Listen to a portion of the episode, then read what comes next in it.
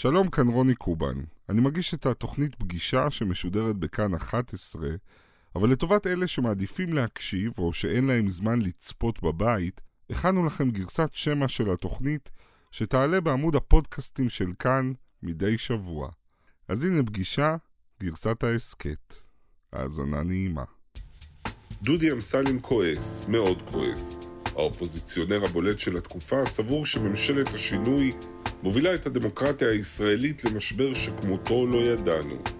בריאיון שצולם ימים אחדים לפני שנודע על עסקת הטיעון עם נתניהו, שוטח חבר הכנסת מהליכוד תפיסת עולם טעונה מאוד, שמתחילה בהשפלות שספג אביו מהממסד האשכנזי, ממשיכה בליל המעצר שלו, ונגמרת בבוז העמוק שהוא רוכש לבנט, לפיד ומנדלבליט. דודי אמסלם הוא האורח שלי הערב. שלום דודי. מה נשמע, רוני? זה הקיר שלך? הופה, או-אה. אני לא מאמין. לא ידעתי שיש לי כל כך הרבה תמונות. תמונות, כותרות, זיכרונות. חבל על הזמן. תגיד תמונה אחת ככה שבאינסטינקט ה... תחבר אליה? כן. זו. אימא שלי, באנו, באתי אליה לפני כמה שנים להדליק נר חנוכה. היא בת 82, נכון? משהו כזה, כן. ועדיין... אה, כן, ברוך השם, כל בוקר קמה, נוסעת לכותל, מתנדבת בשערי צדק, מתנדבת אצל אישה נכה, כבר איזה 40 שנה.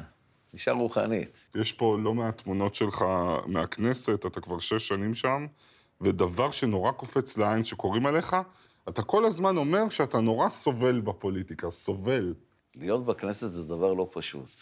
זה, זה באמת, זה במקומות מסוימים גם מייסר מאוד. א', אתה איש ציבור, כל אחד שקם בבוקר, מחליט שיש, קונה עט בשני שקלים, מחליט להכפיש אותך, מתחיל, הכל, דרך אגב, זו תעשייה של שקרים, רוב מה שקורה סביבנו בכנסת. תעשייה של שקרים וכש- כמעט מאלף עד תף, אני פשוט המום.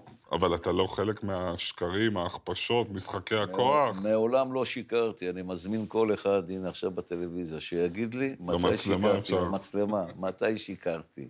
מעולם. אני בוודאי לא, לא משקר בכוונה. תראה, לפיד בא כמעט, כל משפט שלו זה שקר. כל משפט. אין, אין דבר שהוא אמר אמת. מאז זה שאני לא אעשה נורבגי, מאז... עזוב, הוא אני... מביא לך את הג'נן היאיר לפיד. תראה, מי שמוציא אותי מדעתי, זה לא אנשים שלא חושבים כמוני, זה בסדר. אני לא יכול לסבוע צב... צביעות, התנשאות ושקרים. וברגע שאתה כזה, אתה מגעיל אותי. אז אתה מוציא ממני את כל האמוציות. טוב, אז נדבר על... תשתוק, נד- לקחת משהו, עשית משהו, תסתום את הפה. אל תבוא, תגיד עכשיו שאתה צדיק. יואו, זה לא יאמן הטרנספורמציה שעשית מדודי ה... לא, אמיתי. הנחמד, שמעריך כל כך עזרה אנושית ל... וואו. אבל זה הסיפור, זה הקצוות. כן. בסוף, בסוף, בסוף בחיינו, אנחנו, אני לפחות מצפה שאנשי ציבור, וגם לא רק אנשי ציבור, גם אנשים הגונים, ישרים וטובים. עכשיו נתחיל? אחלה. יאללה, אתה יושב פה.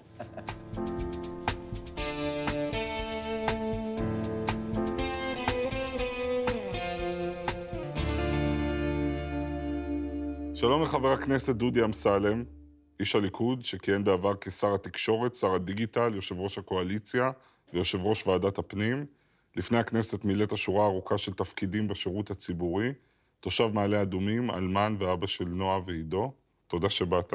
תודה לך, רוני, שהזמנת אותי. אני רוצה לשאול אותך שאלה ראשונה, תגיד, קרה משהו בשנה האחרונה, חיים, הבית, הכל תקין? ברוך השם, ברוך השם. אני שואל כי בעבודה, בכנסת, יש לך כל שבוע כותרות, פיצוצים, לא שקט בגזרה שלך. למה? אנחנו עושים את העבודה. הרי אתה יודע שעוצמת התגובה היא כעוצמת המחדל וה- והסכנה.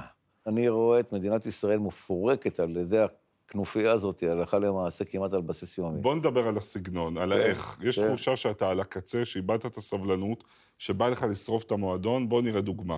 בבקשה. דוגמה אקטואלית. בבקשה. מי אתה? אתה מטיף בשער? באיזה זכות אתה מדבר בכלל? מה אתה? אתה מצנזר את חברי הכנסת? בשם מי אתה מדבר? אתה מקסימום יכול לדבר בשמך בתנאי שלפיד מאשר לך.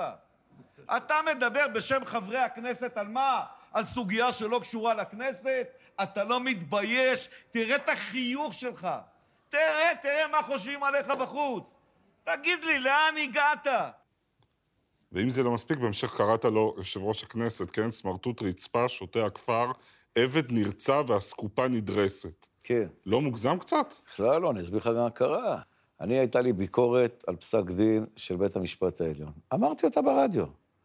יושב ראש הכנסת לוקח לעצמו את זכות הדיבור, מדבר בשם כנסת ישראל על מה שאני אומר, הוא חושב שאני עובד אצל לפיד. תבין, יושב ראש הכנסת זה תפקיד ממלכתי. נו, אבל זה בדיוק מה שאני שואל אותך, לא גם אם הבנת. אתה לא מסכים איתו. לא, לא. אני כן הבנתי, אני- גם אם אתה לא לא, מסכים איתו, יש לא, גבול. לא. לאן אתה... אני רגע, אז- שנייה, דודי, מיקי לוי נולד בירושלים כמוך, הוא היה צנחן, הוא התגייס למשטרה, הוא הגיע לדרגת ניצב. נו. עכשיו הוא יושב ראש הכנסת. אתה לא מסכים איתו, הוא עשה דבר איום ונורא. כן. אבל למה ככה? מה שהוא עושה, הוא, הוא הורס הלכה למעשה את הפרלמנט. תבין טוב, הבן אדם חדשות כל שבוע. דרך אגב, אנחנו לא בוועדות. יושב ראש הכנסת אמור לדאוג לזה. הוא הרי מנהל את זה. ואתם מבחירה לא מה בוועדות. פתאום? הם לא נותנים לנו את מה שמגיע. אז לא. הפתרון זה לשרוף את המועדון, ועל- ולא לקחת חלק לא, במשחק הפרלמנטרי? בוא ניקח את זה... שנייה, צא שנייה. וחשב שעכשיו אתה מלווה למישהו 100 אלף שקל. דודי, אבל- והוא אומר לך, נכון. רגע, רגע, אבל... אבל- אם אתה רוצה, תיקח 20 שקל חזרה, תגיד לו, אדוני, אני לא אקח את ה-20 שקל, אתה תחזיר לי את כל מה שמגיע לי. אבל כשהשביעו את ראש הממשלה נפתלי בנט, כן. ואתם צרחתם עליו כמו... לא התביישת בתוכך? תסכים או לא, בסוף זאת השיטה, זה- זה ראש אבל- הממשלה. אבל תחשוב על הילדים שלך, רוני. שנייה, ועל הילדים שלי. כן. הם יושבים ומסתכלים ככה, בוא- מה הם לומדים מזה? בוא, אני אגיד לך מה הם לומדים. כן. הם לומדים בזה שבמדינת ישראל יש ראש ממשלה נוכל, רמאי, שקרן, עם שישה מנדטים, שהשתלט, סחט את המערכת הפוליטית ונהיה ראש ממשלה. הרי על אותו דרך, אתה מבין שבפעם הבאה נניח קבל 60. יבוא אחד מהצד השני, יגיד אחד, יגיד, אני רוצה להיות ראש אבל, ממשלה. אבל ראש המפלגה שלך. נתניהו, עמד לתת לו את, אותה עסקה בדיוק. לפעמים השודד בא לבנק, שודד את הבנק. הצליח, הצליח אוקיי. לו. אבל זה לא, ברמה המוסרית, זה אני לא יכול... דרך אגב, בגלל זה המדינה אני מתנהלת ככה. מדבר איתך על משהו אחר, על הסאבטקסט. אתה? אומר בעצם, לפעמים מותר לשרוף את המועדון, ואני שואל אותך, לא דודי, אם נשרוף את לא רגע. אם נשרוף את המועדון, שהוא המדינה שלנו, כן. מה יישאר? לא, לא הבנת. אבל זה לשרוף את המועדון. לא, זה אתה מחליט. לא, בנט- אתה לא מרגיש שזה לשרוף את לא, המועדון. מה אז? מה הגבול? אני אומר... מה הגבול? אה, לפעמים... דרך אגב, אנחנו לא מאפשרים, אנחנו, הממשלה בהלכה למעשה מתנהלת, כן? אנחנו לא, לא באים וזורקים על בנט... אה, אה, מה, אה, חומצה? אבנים שאתם ו- לא- ומסמכים, רק שנייה, אבל אתם וספרים. מאוד מתקרבים שנייה, לזה. מי שבעצם בולם את הדמוקרטיה זה הם. עזוב את הכנסת. לאחרונה, גם שופט בית המשפט העליון, דוד מינץ, זכה לטפיחה קטנה על השכם ממך. כן. שופט הזוי קראת לו, הוספת, אם לא שתה איזה בקבוק ויסקי לפני שכתב את פסק הדין שעליו אה, דיברת, אתה- אל שיניתי את תק- זה- אה, שיניתי את זה לערק לגרסה המקורית. אל תקרא לי דודי, הוספת, אפילו למבוא שנה א' במשפטים לא היו מקבלים אותך, תתבייש לך. נכון. וכל זה מפני שהשופט, כן. שהוא אגב, אחד הכי שמרנים בבית המשפט אני לא מכיר אותו, העליון, לא יודע מי זה, לא יכולת לעשות שיעורי בית, הוא העז לדחות את הבג"ץ שהגשת, לא? הגזמת? שופט בבית המשפט העליון? שתה, למה למה צריך את הבקבוק ויסקי? למה הוא- לך, למה מה הוא הזוי? ד- אני אגיד לך, מה היה שם? הרי אני הגשתי עתירה על כך ששר הביטחון שנה וחצי לא ממנה מנכ"ל לתעשייה האווירית. אני כותב למנדלבליט מכתבים לא עונים. אני פונה בבג"ץ, מה אומר לי אותו שופט? דודי אמסלם, אין לך זכות עמידה. יענו, אסור לך להגיד... אני אומר לו, אני היחיד שיש לו זכות עמידה, אני איש ציבור. אני שופרו של הציבור, אני חבר כנסת. אז הבנתי, הבן אדם החליק על המוח. אז אמרתי, היה לי שתי אופציות. או להגיד שהוא טיפש, מטופש ואוויל, או להגיד שהוא היה מבוסם. העדפתי בשביל כבודו להגיד שהוא מבוסם. שאתה טיפש זה משהו קבוע, קונסיסטנטי. בוא נדבר על הפואטיקה, פואטיקת העלבונות אוקיי. שלך. המילים שאמרת על דוד מינץ, איך אתה נהנה? לא היו נכון. מתוכננות מראש? שופט הזוי, זה בא ברגע של השראה או נשלף ספונטני? אני שום דבר לא כותב. לא מכין את זה? שום דבר. ובחירת הדימויים, נגיד, למה השופט כן. שותה ערק או וויסקי ולא כבר מסניף קוקאין? בגלל שבעולם שלי, אני הסברתי. אין אני קוקאין. לא, לא, אין קוקאין, וגם לא הלכתי לשם. אני רציתי, אני. רציתי להביא את התודעה של השופט. אתה יודע, לפעמים אנחנו גומרים בבית הכנסת, אחרי שבת, אחרי תפילה, אנחנו פותחים שולחן.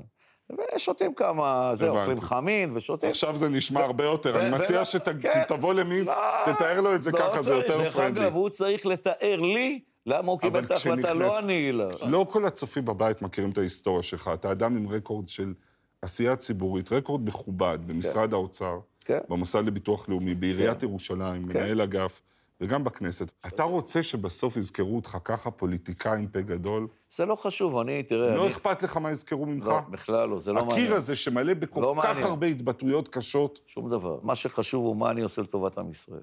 להפך, אם לפעמים אני מתבטא באופן חריף כדי שהעם יתעורר, אז זה דבר חיובי מאוד. דרך אגב, אני גם... אתם, מה עשו? השמאל הרי לא יודע להתעסק עם התוכן. הוא לא יודע להתעסק עם מה שאני אומר, בתוכן. אז הוא מתעסק לי עכשיו עם הסגנון, המציא, לפיד אמר סגנון. לפיד, הרי אתה לא מדבר בסגנון שלי, אתה תת-סגנון. הנה, הבאת אותי בדיוק לדוגמה הוא האחרונה. תת-סגנון, אתה קורא לי. כלב בכנסת. יאיר לפיד, אמרת עליו מפעל רדיו-אקטיבי של רעל. נכון. בן אדם קם בבוקר, יש לו אמפולות בבוטן של רעל, כל היום משקר ומלא שנאה. אבל כל היום, נדמה לי כל היום. נדמה לי, תקן אותי אם, אם אני טועה, שעם לפיד זה משהו שהוא מעבר לפוליטיקה. זה נראה כאילו אתה סולד ממנו ברמה האישית. לא, אני אגיד כאילו הוא לך. מסמל בעיניך את ההתנשאות האשכנזית, האליטיסטית. התל אביבית. הוא רמזור אדום. א', אני אגיד לך, מה שהוא אוקיי. מסמל בעיניי בעיקר, זה את הנהנתנות האשכנזית, האליטיסטית, המתנשאת, כשהוא גם ריק מתוכן. הוא כמפלגה, היה ש- שר מה אוצר, שר חוץ, תנועה. שיש לה המון המון בן אדם בוחרים. ריק מתוכן. אני רוצה לדבר על ההשלכות. כשאתה מדבר במילים כל כך בוטות וחריפות על אנשי שמאל ואנשי יש עתיד כן. ואשכנזים, וראש הממשלה וכל השרים, עוד לא הזכרנו את היועצים המשפטיים שהם כן. זאבים שצריך להכניס למכלאה, לא, עוד, עוד דימוי לעצור חינני אותם, שלך, לעצור אותם. ויש שם אמרתי. מכלאה כדי שזה יהיה יותר אמרתי, פיקנטי. ואתה... חייבת להיות מכלאה, נכון? לבנות גדר, לעצור אותם ביער. אין הרי מה לעשות. היה התיאור? אבל- הזאבים יצאו ליער לטרוף. מי נו, ששומע את זה, נו. מה אתה רוצה שהוא יעשה את זה? שנעלה על בית המשפט עם D9? לא, בוודאי שלא, זאת לא השאלה. שנפרק את הכנסת עם כל מי שיושב בה? לא, אז אני- שניכנס בכל אז אשכנזי? אני אתן לך את התשובה. אני בעצם מדבר ככה על מנת כדי שאנחנו נבוא אבל ונתקן, למילים יש אתה. כוח. אתה לא מרגיש בוודאי. שאתה משחק משחק לא, מסוכן? לא, מי שמשחק משחק מסוכן זה מנדלבליט ו- ובנט. כל המערכת הזאת שתפרה את ראש הממשלה ופגעה בדמוקרטיה. עמי- אבל לכם זה לא מעניין. לכם? לשמאל, אתה יודע. הנה, אני כבר שמאל. בגלל שרובם זה כלי תהיתי התקשורת. מתי זה יקרה. לא, כלי התקשורת. רגע, אז אני שמאל אלים, תראה, מטומטם, מה עוד אני? רוני, אני לא יודע מה אתה, מה העמדות שלך, לא, לא שאלתי אותך אף פעם, אבל אוקיי. אני מתכוון ככלל, בוא נגיד ככה, כל מה שאני אומר, זה. מכוב, זה זה מכוון, פוגע, בסוף זה פוגע. זה מכוון לכלל, אל תגזר. זה פוגע, דודי. אנחנו נזמין אותך לאיזה, לאיזה, איך קוראים לזה, לאיזה קציצות דגים אחר כך. בגדול, יש פה איזושהי מגמה שאנחנו צריכים לשנות אותה. אני רוצה לשאול מגמה נחזור- אחרת. אני דרך אגב על מדבר... המגמה ש- אני רוצה להגיד לך עוד משהו. נו. אני מדבר לבייס שלי, שהוא מבין אותי. תגיד, אתה לא לא. פוגע בבייס שלך לא, עכשיו נורא? לא, לא, אני לא. מכיר מצביעי ליכוד לא. שלא חייבים שתגיד להם אין. אה, אה, אלימים, שקרנים, בוגדים. הם יכולים להבין בעברית כן, קצת אחרת. אבל יש אנשים, מבחינתי, לבייס שלנו, שהם מרגישים תחושה של השפלה עצומה, כן? שדורכים עליהם, משפילים אותם, גונבים להם את השלטון, אבל- מיירטים להם את המנהיג.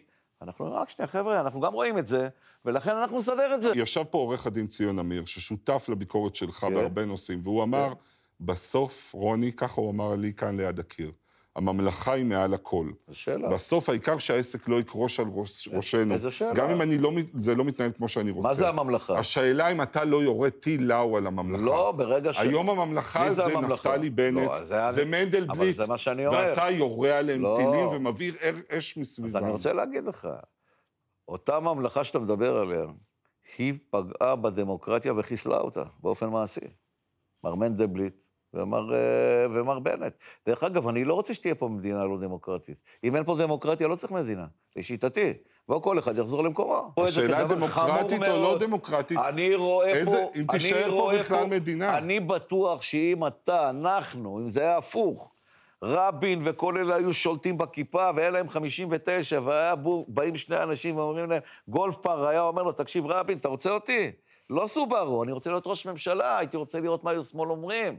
אז לכן יש פה צביעות. היו פה ארבע מערכות בחירות, שכולם, ארבע מערכות בחירות. שכולם על תפרים נתניהו תפר אה, ממשלות. אתה עצמך יודע שיש פה דבר חמור מאוד שקורה במדינת ישראל.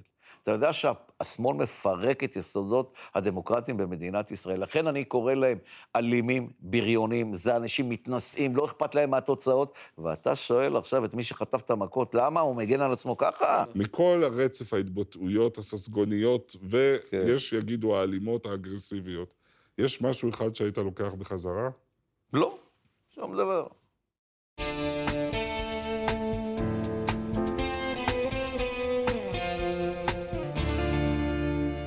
טוב, בוא נדבר עכשיו קצת על הילדות, על ההורים שלך. אוקיי. אה, סולטנה, והנה פה אברהם מאחוריך בחתונה. כן, הם עלו לארץ אה, ממרוקו ב-58. כן, אני מבין שהחלום היה להגיע לירושלים, אבל בסוף שולחים אותם לבאר כן. שבע. כן. אבא שלי היה מורה במרוקו, דרך אגב, מורה לעברית. אבא שלי היה בן אדם משכיל.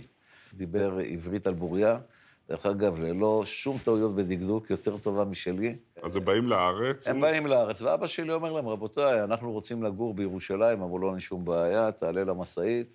עלה למשאית, מצא את עצמו בבוקר בבאר שבע, לקח את אימא שלי ואת אחותי הקטנה, שהיא הייתה בת כמה חודשים, שעלתה איתם, עלה לאוטובוס, והגיע לירושלים, היה לו בן דודה אחד בירושלים, הוא הלך, חיפש אותו במעברה, כמובן נפגשו, הכניס אותו לאוהל, ומה שנקרא, שר, השאר כתוב בדברי הימים. אמרנו שאבא היה מורה, כן. ואימא עקרת בית, וכשמגיעים לכאן, כן. מה קורה איתם? הם מחפשים עבודה, ואז אה, הם מסדרים להם לעבוד בהדסה, בדיוק הדסה אה, עין כרם, בנו אותה וכולי, אז הם עובדים בניקיון, ותמיד זה הצחיק אותי שאבא שלי, הרי במרוקו זו הייתה קולוניה צרפתית, ואבא שלי היה בא ל- לעבודה עם חליפה, עניבה, כובע לבד. אז אה, הוא הגיע ככה להדסה, הוא לא הבין בהתחלה. עם ש- חליפה, כן. למשמרת ראשונה כן, בניקיון. הוא עובד משמרת ראשונה, שנייה, לא חשוב, אחרי, אני מניח, תקופת מה, הוא הבין שצוחקים עליו, וזה לא, זה ישראל פה, זה משהו אחר. בשלב די מוקדם אבא מצטרף לסניף חירות המקומי, ואתה דור שני בליכוד, כן. ואתה ממש, הליכוד, אתה נושם אותו... בוודאי, בוודאי. אבא שלי, כן, אה, היה חירותניק, היה בבסיס, היה בן אדם מאוד מאוד אה, ציוני, דתי, אה, אהב את בגין מאוד מאוד. תזכור, כל יהדות צפון אפריקה שהם עלו, הם אהבו את בגין. א', כל המפא"יניקים עשו להם צרות, אבא שלי היה קשה לו למצוא עבודה בתחילת דרכו. בגלל זה גם עברנו לקריית מלאכי, הוא מצא בשדרות. הוא סיפר לכם? הוא סיפר לך לימים כשגדלנו, על העוולות, כן, על מה כן, הוא חטף כן, אבא שלי- ממפא"י? כן, אבא תן שלי- דוגמה, משהו שכאב לו ונשאר בך. אני אומר, אבא שלי סיפר לי על אותה תקופה שהשפילו אותם, שלא נתנו להם עבודה, שדיברו אליהם לא יפה. דרך אגב, אבא שלי העביר לי את זה, אבא שלי שנא את המפא"יניקים, זאת אומרת, הממסד המפא"יניקים בצורה בלתי רגילה, אומר לך, שנא. כן, אה, אה, בלי הפנקס האדום הוא לא יכל להסתדר, והוא התעקש, הרי מה זה פנקס? אבא שלי, סיפרתי לך, הוא היה דובר עברית, הוא הבין מה הם רוצים. הוא מבחינתו, רצו גם להעביר, למחוק את הדת במדינת ישראל, כן, באותה תקופה. זה היה חלק מה, מהעסק ש, שהוא התנגד אליו. אני? מסתכל עליך ואני רואה עד כמה הכעס שלו באמת חלחל גם אליך. איזה שאלה, דרך אגב, זו שאלה של עובדות, זו לא שאלה של אה, זה, אנחנו הרי לא... ח- לא, חי- זה גם ש... זה עובדות ורגשות. תראה, אז כשאני רואה את הקיבוצניקים, את כל העושר, אבא שלי הרי עבד אצל הקיבוצניקים. זכור, איפה אבא שלי עבד? בשדרות במפעלי שער הנגב. של מי שער הנגב? המשחטה שהוא עבד שם, זה היה של, של הקיבוצניק. אז אנחנו עבדנו אצל הקיבוצניקים, והקיבוצניקים היו הבעלי בית. אה, איפה אני עבדתי כילד? כבר הלכתי בגיל? שלוש... בבאר טוביה, בקטיף, פה, שם. אנחנו היינו בעצם הערבים של היום. הרי כל עיירות הפיתוח, איפה הן ממוקמות? הן ממוקמות ליד סביבה קיבוצית. מדוע? זה חומר, בעצם, זה האנשים שבאו לעבוד בקיבוצים. הרי לקיבוצים לא היו, לא לא היו את ידיים עובדות, השחורה. כן. אין ערבים בארץ, אז מביאים מזרחים, שמים אותם אה, דימונה, ירוחם, קריית גת, ובצפון בית שאן. זה כדי, סביבם, דרך אגב, יש מועצה אזורית, שהיא בעצם המועצה העשירה, היא גם בארנונה, הכל לוקחת הכל, וה, והחבר'ה עובדים אצלם. וכשאתה נהיה לימים דודי אמסלם, המנהל הבכיר בעירייה, בעיריית ירושלים, מנהל אגף, כן. חבר כנסת שר, כן. יש יסוד של נקמה, משהו בך לא. רוצה להחזיר לאותו... לא, יש לי עניין לעודד. איך? לא, אני לא מאמין. אסביר לך, זה הרי- נמצא בטוח. אחרי כאלה שנים לא. שחוטפים אותה, בטוח רוצים לא, רוני, להחזיר. בוא אני אסביר לך. בסוף, בסוף, סתם, זה, בסוף, סוג של נקמה, לכאורה, זה שאתה רוצה להחזיר למי שעשה לך את זה אישית. בן אדם, שלמה, חיים, יצחק. עכשיו בא לך, להפך, גובשה תפיסת העולם שלי, ועד היום היא כזו, שאנחנו המזרחיים צריכים להוביל את המדינה. לא אשכנזים, רק. גם אנחנו, בחלקנו באוכלוסייה, דרך אגב, אנחנו כמעט יותר מ-50 אחוז, אנחנו, אתה צריך ללכת היום לבית החולים, לפתוח את הדלת, לראות פרופסור, מנהל מחלקה, אחד אמסלם, והשני רואה רבינוביץ', והשלישי בוזגלו. אז איך לא, אם אתם צריכים להוביל את המדינה, איך לא נהיה לכם בליכוד מנהיג אחד מזרחי? צודק. איך? קודם כל אתה כל שואל... כך הרבה שנים נתניהו, כל- וקודם כל- בגין, אתה שואל- ונתניהו בינינו, הוא האם, אם, אימא של אבל אני האשכנזים. רוצה להסביר לך. דודי, בינינו, אבל- תודה. אבל אני אסביר. נו, מחלוקת, זאת לא אוקיי. השאלה. אני רציתי לשים ולמנות דירקטורים גם מירוחם, דימונה וכולי וכולי, לא מהנבחרת האליטיסטית, שהיום גם מקימים אותם מחדש, אותם אשכנזים, אותם אליטיסטים, אותם חרטבונה, אותו סיפור. זה ראש המפלגה שלך גם הקים את אותו, אוקיי, אני בא לדודי אמסלם, אתה בא אליי, תראה. אוקיי. אנחנו בליכוד, זה ספקטרום של אנשים. אני בא למפלגה שאני מאמין בה. אני גם יודע מי החיילים מאחורה, מי במשאית. ולכן אני צריך, אני בא עם הרעיון שלי ומתחיל להוביל אותו. מה אני אראה לך אצל לפיד? מישהו יכול להגיד משהו? מה, אצל ליברמן? זה לא מעניין. אני, המקום היחידי שאפשר לעשות את המהפכה, זה יהיה בליכוד, וגם יהיה מזרחי יום אחד בליכוד, שיוביל את הליכוד, זה בוודאי. כשאמנון אברמוביץ' מתעצבן בחדשות ואומר, דודי אמסלם מתנהג בצורה עבריינית, הוא עושה לך את מה שעשו לאבא שלך? בוודאי שזה נובע מגזענות. הוא רוצה לתייג אותי שאני עבריין. אתה מכיר אותי, אברמוביץ'? מתי ישבת איתי? סליחה, אתה יודע מה אני יודע או לא יודע? אולי אני יודע, אולי קצת אני יותר אינטלקטואל ממך, יודע יותר טוב ממך. אולי אני בא עם תפיסת עולם מסודרת, שהיא באה ובעצם לבלום אותך, ות- ושכמוך. פשוט מאוד, גם בטלוויזיה שלך, גם שאתה שם באולפן, למה אתה צריך להיות באולפן? צריך להיות מישהו אחר גם, למה רק אתה? זה נכס של עם ישראל, לכן אנחנו צריכים לסדר גם שם את הדברים כמו שצריך. שום דבר לא קורה טוב, באקראי, יש שם גם תזכור. קרן תזכור, ורינה אבל- מצליח, ובועז ביסמוט. תיקח בסוף את המספרים, עזוב. אם יש 90-10, אתה יודע, איך אמרתי? אתה זורק קוביות, ויוצא לך 10 פעמים 6-6, אתה מבין שהקובייה לא בסדר. אוקיי, נשנה מצב רוח, כן, נדבר על רגע אחד טוב, טוב מאוד, כן, וזה הרגע שאתה פוגש את אשתך, כן, את רוזי. כן, זה קרה בעירייה, נכון? כן. זו הייתה אהבה ממבט ראשון? אה, אתה יודע. אתה מסמיק! הטרנספורמציות שאנחנו עוברים פה, אני- איך אני- אתה מגיב ללפיד ואיך אני לרוזי? מאמין אוקיי. יותר בדברים שאתה בונה אותם, בצורה יסודית. כן. ואתם לא מעט שנים ביחד, עובדים, מגדלים שני ילדים, מתקדמים. אתה זוכר את הרגע אה, שמגיעה בשורה על המחלה? בוודאי, אני זוכר את זה כמו עכשיו. זה היה באזור אה, נובמבר 2009, ואז אני מקבל טלפון, היא אומרת לי, תשמע, דודי, אני חייבת לפגוש אותך, ואני אומר לה, תקשיבי, אני עכשיו באמצע הדיון, היא אומרת, אני אסיים אותו. לא, עכשיו. קמתי באמצע הדיון, אמרתי לכם, אני לא יודע מה, אשתי צריכה אותי. ירדתי לכיכר, ואז היא סיפרה לי, אני לא כל כך הבנתי את האירוע, אני חשבתי, אוקיי, מרגיע, אמיתי עכשיו, לא שניסיתי להרגיע אותה באופן, באופן מלאכותי. אמרתי לה, בסדר, רוזי, מה קרה? יהיה בסדר, נקבל את הטיפולים, נלך, נברר, הכל יהיה טוב, לא, לא, לא מתים מזה. וככל שנכנסנו לעניין, ולאט לאט הבנתי שזה אירוע שרק מתים ממנו. ובאמת, אה, היא נאבקה ואתה לצידה כמעט שנה מול מחלה חשוכת מרפא. איך חיים עם שעון כזה מתקתק מעל הראש? פחד, היא פעם אמרה לי מילה שהדהימה אותי. שאלתי אותה, את מפחדת? היא אמרה לי, אני מבועטת. זה, זה, תראה, מה, הסיפור הזה במחלות האלה, שהבן אדם הוא רציונלי, והוא רואה את ההידרדרות שלו על בסיס יומי. אין אוויר. אין אוויר, אין אוויר. הולך בסוף עם בלונים, עם חמצן, הבית הופך להיות חצי בית חולים. אבל בסוף אתה... אתה רואה, אין אוויר. וכמה היו הילדים כשהיא מתה? הבן שלי היה בגיל עשר וחצי, הבת שלי הייתה בערך איזה חודשיים אחרי הבת מצווה. ובעצם אתה הופך להיות אבא חד-הורי, שזה אומר הודעתי- כלים, הודעתי ל... שיעורי בית, חוגים, הכל אתה עושה? כן, באתי אתה עושה כביסות? כן, ודאי, עד היום אני עושה קביצות, כן. באתי לעירייה, אני זוכר כשרוסי חלתה באותו ערב, אמרתי להם, חבר'ה, אני בשעה שלוש עוזב כל יום. אז עד אז הייתי עובד עד, עד 12 בלילה. שלוש נופלת לי העת, אני בשלוש יוצא הביתה כדי להוציא את הילדים בארבע, זהו, נגמר. מתי הכי חסרה לך? תראה, כשאתה הולך לישון בסוף, כשאתה לבד, ואין לך עם מי להתייעץ, ואין לך עם מי זה, ואפילו כשהילד שלך בא וחופר לך, אתה עייף מת, או הבת שלך, ואתה רוצה להגיד, את יודעת מה, לכי, דברי עם אמא קצת. ואתה יודע, לא פשוט, ואני גבר, אני בסוף בבית.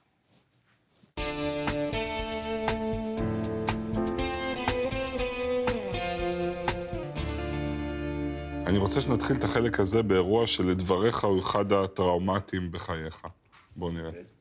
הפעילים המרכזיים החשודים במרמה ובזיוף הם יצחק קויפמן, ראש הקבוצה הירושלמית וקבלן הקולות הגדול של הליכוד, דודו אמסלם, מנהל האגף לשיפור פני העיר בעירייה, וכן יורם קרשי. מפלג ההונאה של מחוז ירושלים ממליץ להעמידם לדין, לאחר שבחקירתם נמצאה נגדם תשתית ראייתית. צריך להגיד שכל זה נגמר בכלום ושום דבר. מיקי לוי, דרך אגב, מפקד המחוז, הוא בעצם אה, בא לכאן ומפיק את האירוע. ערוץ אחד, שמת לזה אה, זה טלוויזיה. מיקי לוי, כן, דרך מיקי אגב. לוי שמופיע כן, במערכה כן, כן. הראשונה. עשו שם הפקה, הביאו את פק- את דוברת המחוז, הכניסו אותה, אמרו, יאללה, ערוץ אחד ייכנס פנימה, מצלמים אותנו כאילו אנחנו קופים.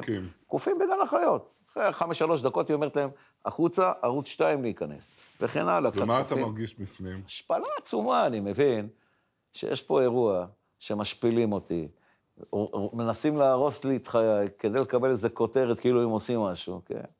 ומחזירים אותנו שוב פעם למגרש הרוסים, ומכניסים אותנו לתוך תא עם איזה 30-35 אנשים, אנחנו ישנים על הרצפה, והכל בניגוד לחוק, אתה, אתה מבין, הכל פה. שם פתאום הסתבר לי שזאת מערכת דורסנית ואלימה. אבל כשבית המשפט חתך את זה אמ, ושחרר, אמרת לעצמך, נו, בתי המשפט לפעמים יכולים לקבל את ההחלטה הנכונה? לא, בית המשפט שם שחרר אותנו, אספר לך. הם עברו על החוק, הם עצרו אותנו איזה עשר שעות יותר מאשר מותר בחוק. השופטת אמרה להם, למה עצרתם אותנו? לא הייתה להם מילה, הרי זה מדובר באנשים אלימים. אתה בשבילם סחורה. אתה מגיע, יוצא, מה מעניין אותו? תשב במעצר עוד יומיים, פחות יומיים, את מי זה מעניין? הוא הרי הולך הביתה, אוכל את הפלאפל. אתה מבין את האבסורד? כל המערכת הזאת, שאתה עכשיו תחבר את זה, שאני אומר, חבר'ה, הזאבים יוצאים לציד. דרך אגב, כל יום יש עשרות אנשים כאלה במדינת ישראל, תבין, הם מתביישים לדבר, אז למה? בוא, בוא נדבר על הרגע, על, אם כבר מדברים על המערכת, בתי המשפט והפרקליטות, בוא נראה את הרגע הבלתי נשכח הבא. עומד היום. למשפט, כן, מיד נוכל לראות זה את הניסיון נתניהו. לסכל את רצון העם. הניסיון להפיל אותי ואת מחנה הימין. זה למעלה מעשור שהשמאל לא מצליח לעשות זאת בקלפי. אז בשנים האחרונות מצאו פטנט חדש. גורמים במשטרה ובפרקליטות חברו יחד לעיתוני השמאל, אני קורא להם חבורת רק לא ביבי, כדי לתפור לי תיקים מופרכים והזויים. איפה אתה בפריים? איך אומר הגשש אז במערכון של יצחק שדה, ליד, ה... אחרי העץ, אני מצד ימין. כי מירי מתישהו, פתח את הפרם, תראה. זהו, מירי רגב הרגישה שהיא לא מספיק קדימה ליד אה, נתניהו, אז היא הגפה ככה וטראח, מצאת... אני עומד איפה שצריך. את דעתך על תיקי נתניהו כבר שמענו. בסופו של יום, כאב לך לראות אותו יורד ממלכותו, מפסיק להיות ראש הממשלה? לא, כאב לי השוד. כאב לי שהדמוקרטיה נהרסה, כאב לי שהשמאלנים השפילו אותנו, כאב לי שמנדלבליט בסוף הצליח במזימתו השפלה. זה מה אה, שכאב גם לי. זה משימה של מנדלבליט? בוודאי, אז מי, אני? מה? אוקיי. לא הבנתי, אני העמדתי אותו לדין. הראש של מנדלבליט. הוא, דרך אגב, אבי אבות הטומאה, זה הבן אדם הכי מסוכן. נראה לי שהצופים הבינו את זה זה עד המס- הבן עכשיו. אדם הכי מסוכן במדינת ישראל, שמופעל על ידי אהרן ברק, שאמר, הוא לא יאכזב אותי. זאת אומרת, זה ממש רשת של. מאפיה. אדון זה אהרון אני שואל ברק, אותך שאלה. מנדלבליט זה... אהרון ברק, שהוא אמר לו כן. במלון כרמים, מנדלבליט, הוא אמר בטלוויזיה, הוא לא יאכזב אותי, מה התכוון? מה לדעתך הוא התכוון? אבל אתה? מאמין לזה? אתה מה... שזה כמו מאפיה באמת? אתה מלא, באמת מאמין על? מלא. על מלא. על מלא, דרך אגב, בקומפלט. אוקיי. אם לי אין זכות עמידה, דרך אגב, זה במלא.